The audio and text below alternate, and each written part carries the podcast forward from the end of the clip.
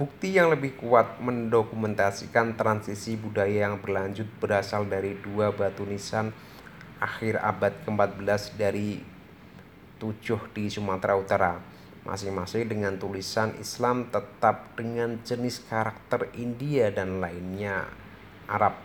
Berasal dari abad ke-14, batu nisan di Brunei dan Jawa Timur adalah bukti penyebaran Islam Batu Trengganu memiliki dominasi bahasa Sanskerta atau kata-kata Arab, menunjukkan representasi pengenalan hukum Islam.